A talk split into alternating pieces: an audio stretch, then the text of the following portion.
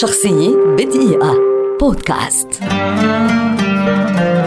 راؤول غونزاليس بلانكو لاعب كرة قدم إسباني سابق ومدرب حالي ولد عام 1977 ويعد أحد أهم اللاعبين في تاريخ ريال مدريد وأحد أعظم اللاعبين الإسبان على الإطلاق. عام 1994 وقع أول عقد احترافي له مع دوري الدرجة الرابعة في ريال مدريد ثم تم ترقيته بسرعة إلى الفريق الأول. قضى 16 سنة تاريخية في اللعب مع ريال مدريد فهو ثاني أفضل هداف في تاريخ النادي برصيد 323 هدفا وقد فاز مع الفريق الملكي بستة ألقاب في الدوري الإسباني وثلاثة ألقاب في دوري أبطال أوروبا وأربعة كؤوس سوبر إسبانية وكأس السوبر الأوروبية مرة واحدة. عام 2010 انتقل غونزاليس إلى فريق شالك الألماني حيث حصل على كأس ألمانيا وكأس السوبر قبل أن ينهي مسيرته الكروية كلاعب مع نادي نيويورك كوزموس عام 2015 بعد فوزه بثلاثية محلية.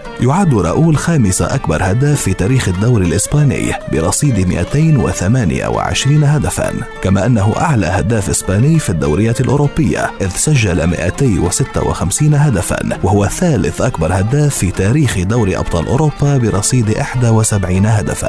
على صعيد المنتخب سجل راؤول 44 هدفا في 102 مباراة مع اللاروخا شارك في ثلاث بطولات لكأس العالم وفي بطولتين أوروبيتين وحصل على لقب أفضل مهاجم في العالم من قبل الاتحاد الدولي لتاريخ وإحصاءات كرة القدم عام 1999 وهو أول لاعب يحصل على لقب أفضل لاعب من قبل الاتحاد الأوروبي لكرة القدم ثلاث مرات إضافة إلى العديد من الجوائز العالمية العالمية والأرقام الكبيرة التي لا يتسع الوقت لذكرها جميعا هنا. عام 2018 عاد راؤول غونزاليس إلى بيته ريال مدريد حيث تم تعيينه مدربا لشباب تحت 15 عاما. وفي عام 2019 تم تعيينه مديرا فنيا لريال مدريد كاستيا. فهل يصبح أسطورة في التدريب أيضا؟